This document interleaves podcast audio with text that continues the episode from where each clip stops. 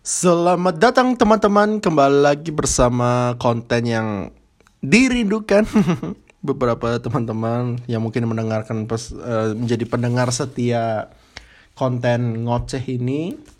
Uh, terima kasih banget buat teman-teman yang masih mengikuti atau aku nggak tahu di tahun berapakah mungkin konten ini bakal benar-benar menjadi naik tapi itu terus yang terus aku tanamkan dalam pikirannya sebenarnya aku tujuan aku meng, membuat konten ini atau mengupload konten ini sebenarnya cuma semata untuk menyalurkan keinginan aku untuk ngoceh untuk broadcasting menyampaikan pikiran yang ada di dalam otak aku supaya nggak cuma stay di kepala karena pusing juga kalau nggak dikeluarin.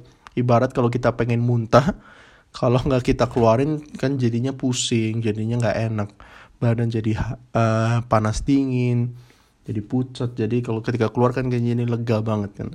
Jadi itu sebenarnya kenapa alasannya aku membuat konten ini. Dan sebenarnya kalau kalian lihat uh, kalau sebelum dan sesudah konten ini selalu ada ya kita bisa bicara iklan lah kita bisa bilang iklan uh, di mana konten ini Ngoceh ini disupport oleh Anchor.fm di mana sebuah platform di mana kalian bisa mengupload uh, konten-konten podcast kalian. Tidak peduli seberapa banyak penonton kalian bahkan nggak ada batasan minimum di mana kalian bisa gabung bisa join kalian bisa gabung. Dan melalui Anchor.fm ini bisa dipublikasikan ke beberapa platform. Contohnya yang saya gunakan platform adalah uh, Spotify. Teman-teman juga bisa publikasikan juga di contohnya seperti Apple Podcast dan beberapa platform podcast lainnya. Oke, okay.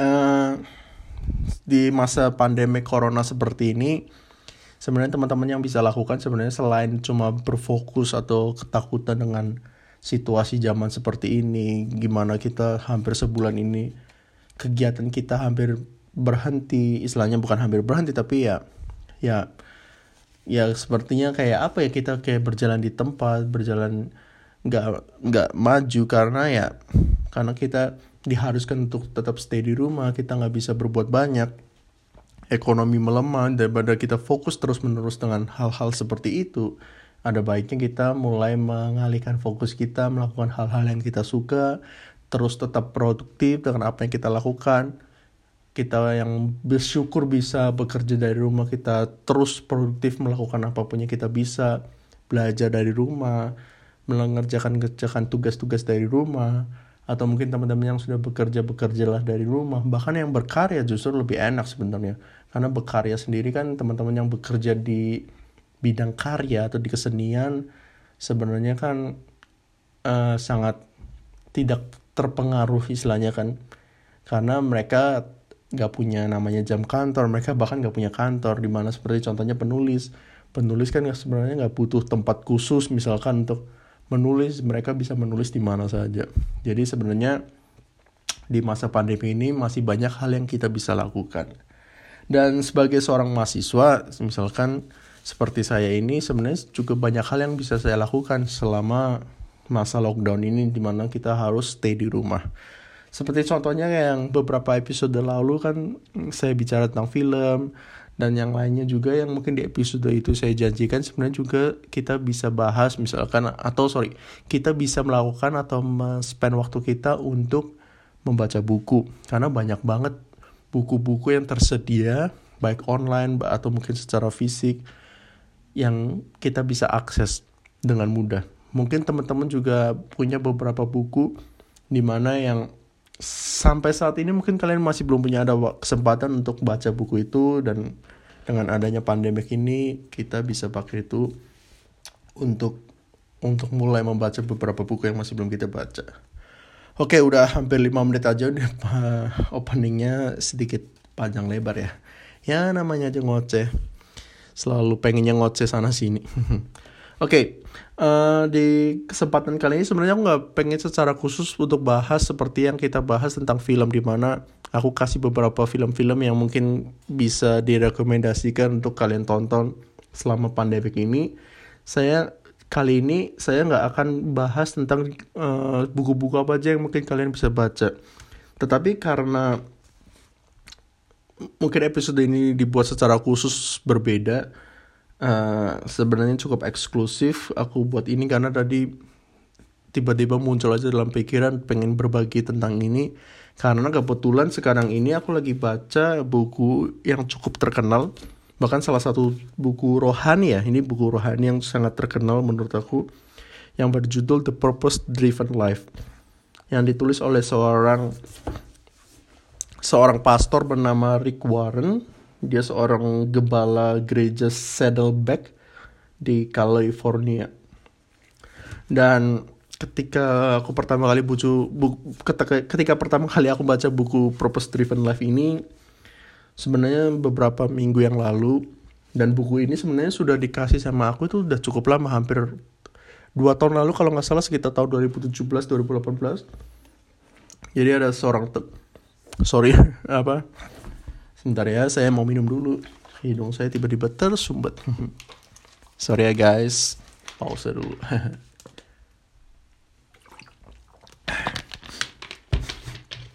Oke, kita lanjut ya. Sorry. Oke, kembali lagi tadi. Sebenarnya buku The Purpose Driven Life ini sebenarnya dikasih di tahun 2017 atau 2018-an oleh salah satu teman uh, dari Jakarta. Waktu itu aku lagi lagi magang lagi magang di Jakarta terus untuk hadiah perpisahannya aku ketika aku kembali lagi ke Jerman uh, dia memberikan aku buku ini dan baru sampai baru sekarang ini aku dapat kesempatan akhirnya bisa membaca bahkan mau menyelesaikan buku ini. Yang seperti tadi aku bilang kan gara-gara pandemi ini akhirnya aku punya kesempatan untuk bisa satu uh, bisa baca buku yang selama ini aku belum sempat baca.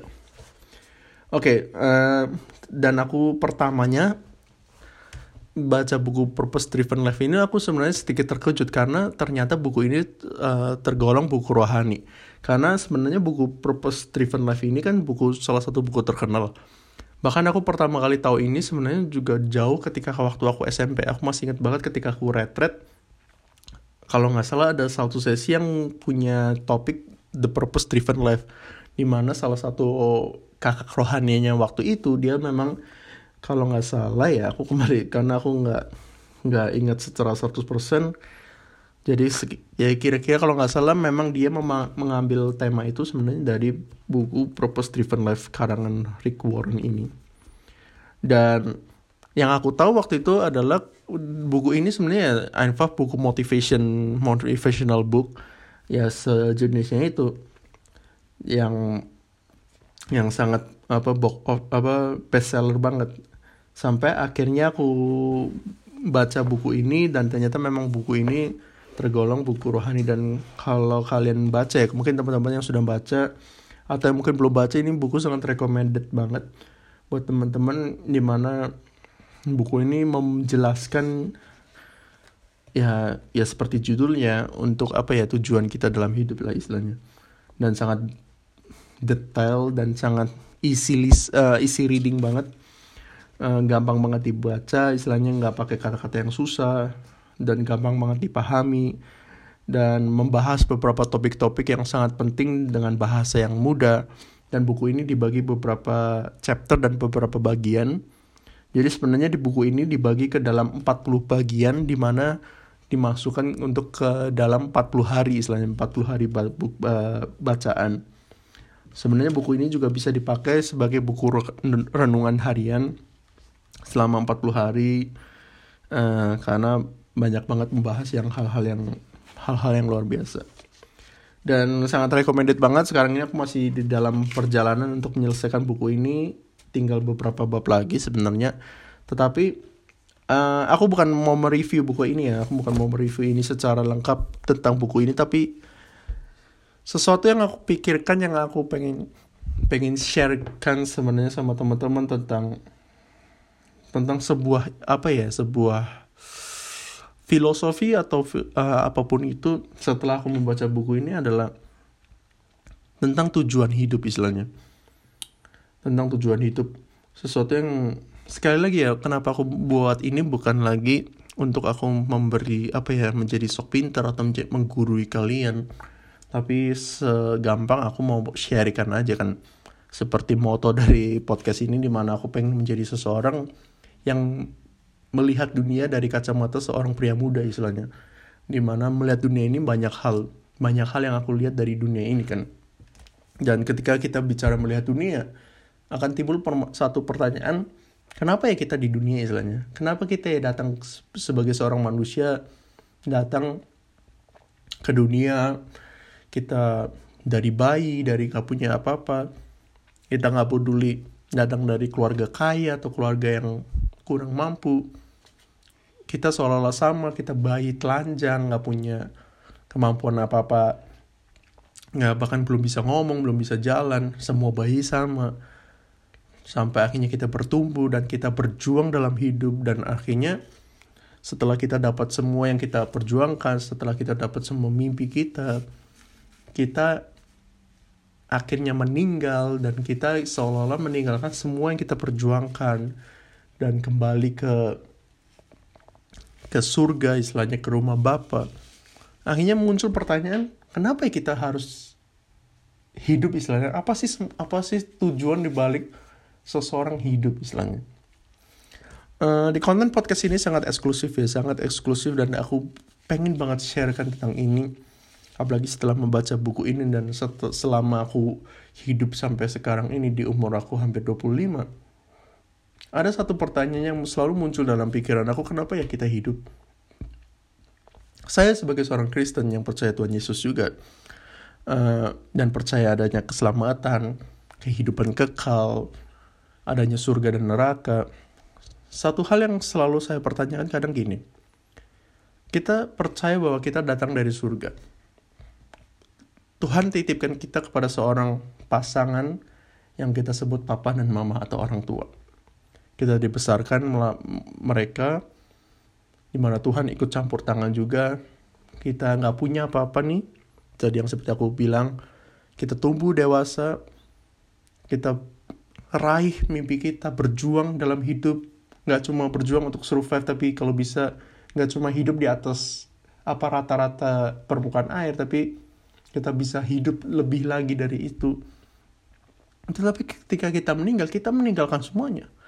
Bahkan di surga sekalipun ada satu perumpamaan kan, si Petrus yang sebagai penjaga pintu surga, ketika ada orang kaya masuk datang ke surga dan pengen membawa semua kekayaannya itu, si Petrus bilang, lu nggak bisa bawa semua kekayaan itu istilahnya. Atau bahkan ketika dia dibawa suruh boleh membawa kekayaannya itu yang terjadi adalah si kaya itu kaget karena semua yang dia punya selama ini ternyata cuma dijadikan jalanan. Karena tertulis kan jalanannya terlihat seperti emas yang begitu indah.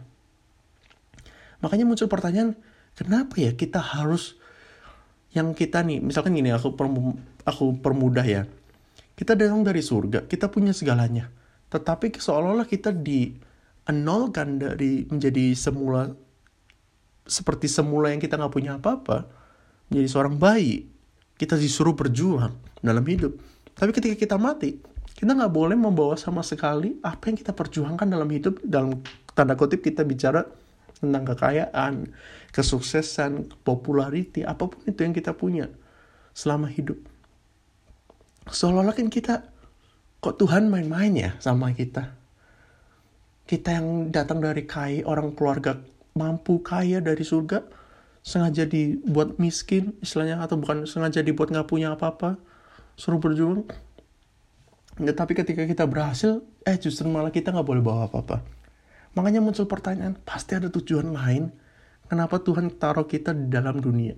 Pasti ada tujuan lain kenapa kita menjadi manusia pasti ada tujuan lain kita berjuang dari bayi kita yang awalnya berjuang bayi apa sih struggle-nya berjuang untuk bisa jalan berjuang untuk bisa ngomong makan sendiri sampai akhirnya kita berjuang untuk survive dalam hidup mencari pekerjaan Gak cuma itu kita mengembangkan karya kita mengembangkan talenta kita talenta yang Tuhan kasih sama kita entah satu dua atau lima kita mengembangkan itu sampai akhirnya kita menjadi tua dan akhirnya kembali ke rumah Bapak.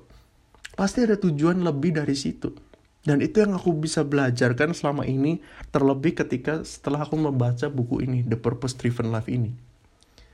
Pasti ada satu tujuan yang lebih dari itu. Ada satu pepatah gini, atau bukan satu pepatah, satu hal yang kita percaya sebagai orang Kristen ya, kita bicara sebagai orang Kristen. Uh, sebagai orang Kristen kita harus terus dekat sama Tuhan. Kita harus terus dekat dengan Tuhan supaya kita menjadi serupa seperti Kristus. Lalu pertanyaannya, kenapa demikian? Kenapa kita harus serupa dengan Kristus? Kenapa kita harus terus mendekat dengan Tuhan? Kalau kita bicara seorang bayi atau seseorang yang masih kekanak-kanakan, atau mungkin ini yang dulu aku pikirkan, aku sempat berpikir demikian. Kenapa kita harus terus dekat sama Tuhan? Kenapa kita setiap minggu harus ke gereja? Atau mungkin lebih dari itu kita harus punya waktu untuk saat teduh. Lebih dari itu kita harus punya waktu untuk merenungkan Alkitab lebih dari itu kita harus berjalan sesuai dengan apa yang Tuhan mau kita jalankan. Kita bertindak seperti apanya Tuhan Yesus mau bertindak. Sebagai seorang anak-anak, aku punya pemikiran gini, maksudnya ketika itu aku melakukan demikian, einfach atau segampang supaya aku nggak masuk neraka. Segampang supaya aku nggak menjadi jahat. Ini aku nggak mau berbicara, misalkan gini, aku nggak mau berbicara jauh supaya kita nggak merugikan orang lain. Aku nggak mau berbicara jauh supaya apa ya mimpi kita gagal atau apa pun itu. Tetapi se secetek Islam, ya aku nggak mau masuk neraka. Karena itu yang kita percayakan. Kalau kita jadi jahat, kita menjadi orang jahat, kita jauh dari Tuhan, kita akan masuk neraka. Di mana memang benar tertulis bahwa satu-satunya jalan ke surga adalah melalui Tuhan Yesus. Di mana itu tertulis di Yohanes 14 ayat 6, sangat jelas. Dan kita percaya itu, cuma dengan melalui Tuhan Yesus Kristus kita masuk masuk ke surga.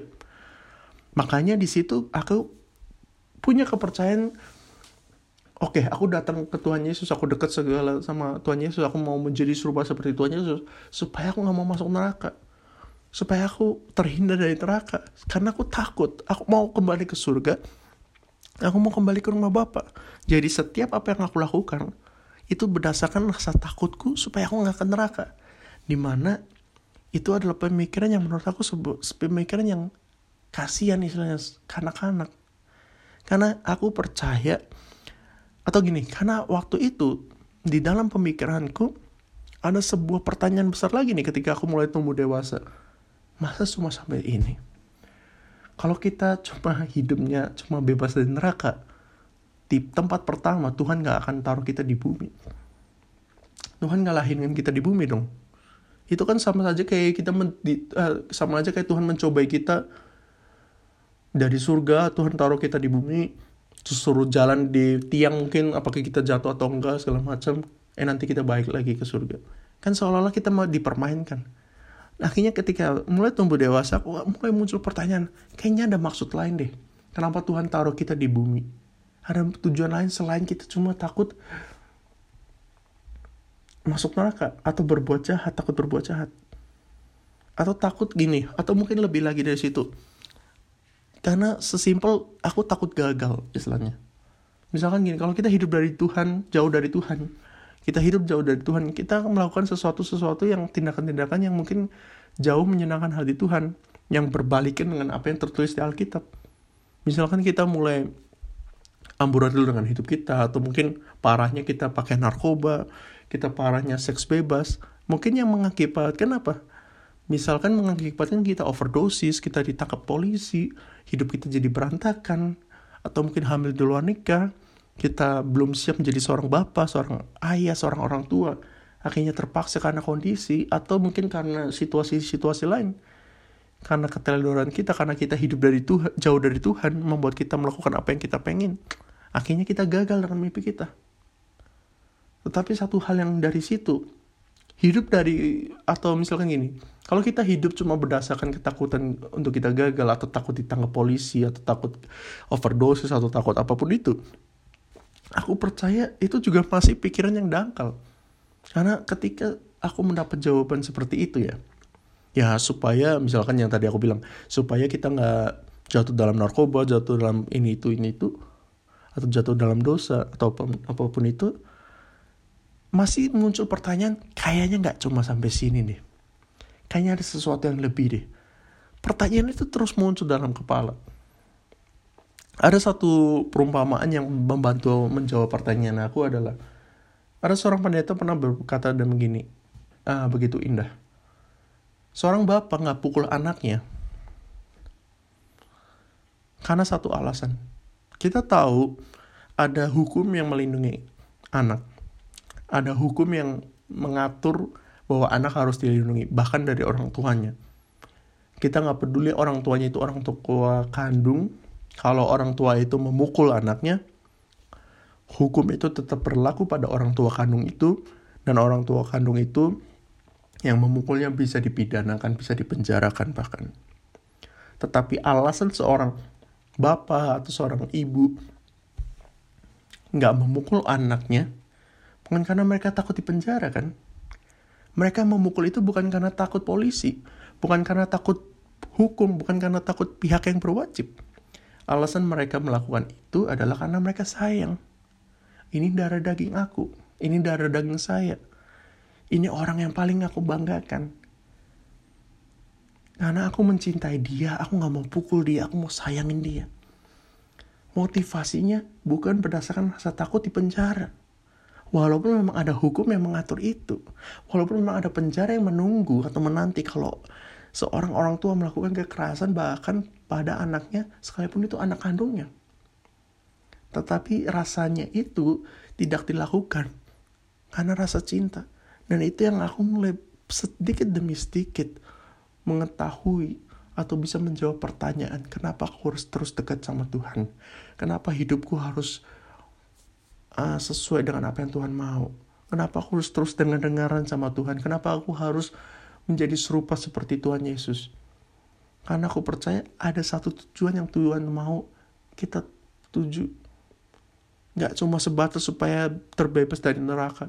Gak cuma sebatas kita jatuh dalam dosa atau gagal dalam itu. Tetapi ada satu tujuan lain yang Tuhan mau kita penuhi. Yaitu kita bisa fulfill apa yang potensi Tuhan kasih sama kita. Dan itulah kenapa alasannya kita punya tujuan hidup, alasannya Tuhan taruh kita di bumi. Ada satu pekerjaan yang Tuhan kita mau kita kerjakan. Yang Tuhan Yesus mau kita lakukan. Karena ada satu potensi besar yang Tuhan mau kita kembangkan. Dan satu-satunya jalan, satu-satunya yang punya manual book itu ya Tuhan Yesus sendiri itu. Dan dia mau membantu kita. Tuhan mau hidup kita punya makna. Tuhan mau hidup kita punya menjadi berkat buat orang lain. Tuhan mau hidup kita punya tujuan kan. Ada satu contoh, misalkan gini sebelum kita masuk ke contoh ya. Kalau kalian uh, dengerin sorry, kalau kalian dengerin podcast aku yang sebelumnya tentang stop untuk mengasihani orang dibully, kita tahu jelas ketika ada orang yang mau membuli kita, kenapa kita nggak mau memukul mereka balik? Kita menahan emosi kita kita mungkin sedih sendirian. Karena kita percaya ada satu tujuan yang lebih besar. Aku percaya mungkin aku beda sendiri seperti kalau mungkin fullnya kalian bisa dengar di episode sebelumnya mungkin kita memang beda sendiri. Tetapi sobat aku tahu aku melakukan hal yang benar. Dan aku nggak memenulikan apa yang sekitar aku bicarakan. Dan itu untuk terus hidup sesuai dengan apa yang Tuhan mau kan karena dia percaya karena dia orang percaya ada sesuatu yang besar yang yang yang bakal dia tim, terima yang potensi besar yang dia bisa penuhi. Dan itu mulai perlahan menjawab pertanyaan aku kenapa ya kita hidup? Kenapa ya kita harus terus dekat sama Tuhan? Kenapa hidup kita harus dari langkah satu langkah yang ke lain harus dituntun sama Tuhan? Karena ada sesuatu yang besar yang Tuhan mau bantu kita penuhi potensi itu ada satu contoh gini. Alasan Tuhan misalkan mengajak orang-orang bahkan anak-anaknya untuk terus dekat sama Tuhan. Karena Tuhan tahu setiap orang punya potensi menjadi seorang Cristiano Ronaldo dalam dunia sepak bola. Bisa punya potensi menjadi seorang Lionel Messi dalam dunia sepak bola dan Tuhan mau penuhi potensi itu dan Tuhan mau menjadikan kita Cristiano Ronaldo dalam dunia sepak bola dan implementasikan itu dalam dunia kita masing-masing. Tuhan mau menjadikan kita yang terbaik dalam bidang kita. Tuhan mau menjadikan kita terbaik yang menjadi versi kita itu sendiri. Dan Tuhan tahu itu dan kita bisa. Dan Tuhan mau bantu itu. Kalau kita belajar dari Cristiano Ronaldo yang aku belajar adalah bakatnya dia sebenarnya nggak sebagus-bagus itu. Sebenarnya banyak pemain-pemain lain yang bakatnya mungkin lebih hebat dari Cristiano Ronaldo. Kalau kita bandingin Messi, Messi memang terlahir dengan bakat talenta yang luar biasa. Mungkin kalau kita umpamakan memang terlahir dengan lima talenta. Tetapi Ronaldo mungkin terlahir dengan cuma dua talenta dalam sepak bola sebenarnya. Tetapi yang membuat Messi merasa kesusahannya terus digoda terus ya kayak nggak berdiri sendiri atau nggak menjadi nggak berdiri sendiri dalam gunung atau puncak kejayaan sepak bola dalam dekade ini. Adalah ada satu orang yang berjuang keras bekerja keras dari hari ke hari bahkan usianya sekarang sudah gak masuk lagi usia produktif dalam sepak bola tetapi masih memiliki fisik yang sangat prima yang bernama Cristiano Ronaldo. Messi nih ibaratnya dia jalan pun atau hidupnya santai pun Ballon d'Or nggak akan ke mana. Ballon d'Or akan menjadi miliknya. Dalam 10 tahun ke belakang ini mungkin Messi harusnya dapat 11 Ballon d'Or. Tetapi 5 di antaranya justru jatuh ke Cristiano Ronaldo kan. Mungkin orang yang menurut pandangan saya ya mungkin ini debatable tapi menurut aku bakatnya nggak sehebat Messi. Untuk seorang Messi dapetin Ballon d'Or mungkin dia cukup jalan. Tapi untuk seorang Ronaldo dia bekerja keras dia penuhi itu. Dia tiap hari melatih fisiknya segala macam. Sampai akhirnya bisa menjadikan itu Ballon d'Or. Sehingga dia yang cuma punya dua talenta dua talenta ini dia mengembangkan itu dan akhirnya punya talenta yang sama seperti yang Messi punya. Dan akhirnya menjadikan mereka menjadi pemain terbaik dunia. Dan Tuhan mau melihat itu. Tuhan mau membantu kita. Yang terjadi adalah banyak. Kita ibaratkan analogikan ke dunia sepak bola ya banyak dari pemain-pemain bola yang punya mungkin cuma tal satu talenta tetapi dia lupa kalau dia kembangkan satu talenta itu dia bahkan menjadi dua. Dua dia kembangkan bisa menjadi empat. Tambah satu lagi yang dia punya jadi lima. Lima sama aja seperti talenta yang lima orang, eh, satu orang ini atau si Lionel Messi deh. Punya itu sama-sama lima talenta. Dan kalau talenta Messi bisa jadi lima jadi sepuluh. Si orang ini kan berarti juga bisa punya peluang yang sama jadi sepuluh kan. Tetapi yang terjadi adalah banyak orang yang punya cuma satu talenta, dua talenta, atau bahkan cuma lima talenta, dia berhenti di situ. Dia nggak tahu tujuan hidupnya apa. Dia nggak tahu kenapa dia hidup. Dia kan nggak tahu alasan dia bermain sepak bola, istilahnya. Kalau kita ibaratkan itu ya. Makanya dari situ mulailah aku apa menemukan jawaban dari pertanyaan yang aku punya. Kenapa kita harus dekat dengan Tuhan? Karena ada satu potensi besar yang Tuhan siapkan sama kita. Dan Tuhan mau membantu kita untuk memenuhi potensinya. Balik lagi untuk kemuliaan Tuhan. Balik lagi untuk kemuliaannya dia. Tetapi potensi besar itu kita cuma bisa temukan kalau kita bekerja bersama dengan Tuhan memenuhi potensi itu dan ketika kita tahu itu kalau kita melihat diri kita oh I can be Cristiano Ronaldo in my life di dalam posisiku. Aku mungkin bisa menjadi Lionel Messi. Mem bukan mungkin, aku bisa menjadi Lionel Messi. Menjadi Cristiano Ronaldo di bidangku sekarang ini. Aku tahu alasan aku hidup. Dan alasan kita nggak cuma lagi cuma sekedar takut neraka atau takut jatuh dalam dosa karena ada satu potensi besar di mana aku bisa menjadi berkat bagi banyak orang, di mana aku bisa memberkati banyak orang, di mana aku bisa menjadi representasi atau ambasadornya Tuhan Yesus membuktikan kepada orang dunia bahwa orang Kristen bisa menjadi sukses. Bahwa orang Kristen juga punya karya yang hebat. Bahwa karya yang hebat gak melulu tentang yang tentang tentang menghina atau tentang yang sumpah serapah atau bahkan mengeledek-ledekin Tuhan tetapi yang punya makna yang hebat punya arti yang hebat. Karena kita bisa berkarya kita bisa menghasilkan sesuatu. Karena potensi itu. Dan di situ akhirnya kita tahu oh ini tuh oh ini tuh tujuan aku hidup. Oh ini tuh kenapa aku ada. Jadi jadi gitu sih kalau uh, kalau aku boleh sharingkan dikit tentang apa yang yang ini lagi ada di kepala aja. Setelah aku lagi baca-baca tentang purpose driven life menyambung beberapa cerita ke belakang aku yang sempat bertanya-tanya kenapa ya kita harus dekat sama Tuhan dan ini aku berdoa aku berharap di podcast eksklusif ini di konten ngoceh yang eksklusif ini mungkin bisa menjawab beberapa pertanyaan teman-teman juga. Sebenarnya banyak banget buku-buku di luar sana yang bisa membantu membantu menjawab pertanyaan-pertanyaan kalian tentang hidup segala macam. Yang paling utama sih sebenarnya basicnya fondasinya adalah sebenarnya Alkitab. Semua jawaban ada di Alkitab.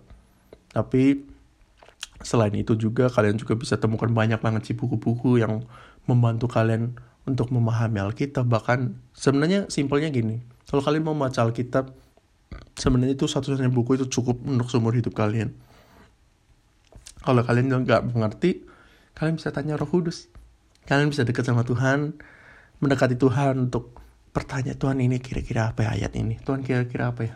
Dan itu benar-benar sangat powerful.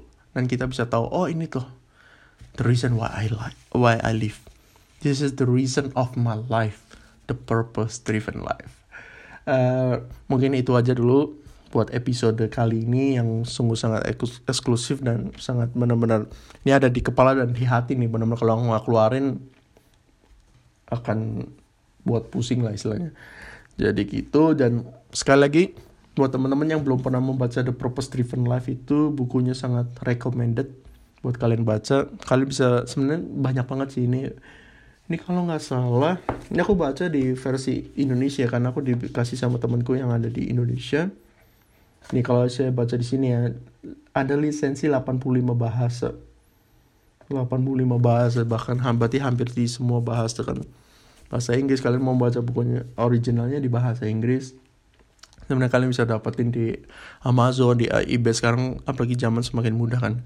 Jadi bisa mau meluangkan waktu kalian selama corona crisis ini, pandemi ini, self quarantine kalian bisa mulai membaca. Oke. Okay? mungkin itu dulu teman-teman uh, tetap jaga kesehatan apa pun itu tetap positif tetap beraktivitas tetap produktif uh, kita berdoa kita berharap supaya pandemik ini cepat berlalu oke teman-teman sampai di sini dulu podcast kali ini aku harap uh, ada konten-konten menarik ada ide-ide menarik mungkin teman-teman bisa mau bagikan atau pengen untuk aku sharekan dan kita sampai jumpa lagi di episode-episode berikutnya. Sampai jumpa, stay healthy.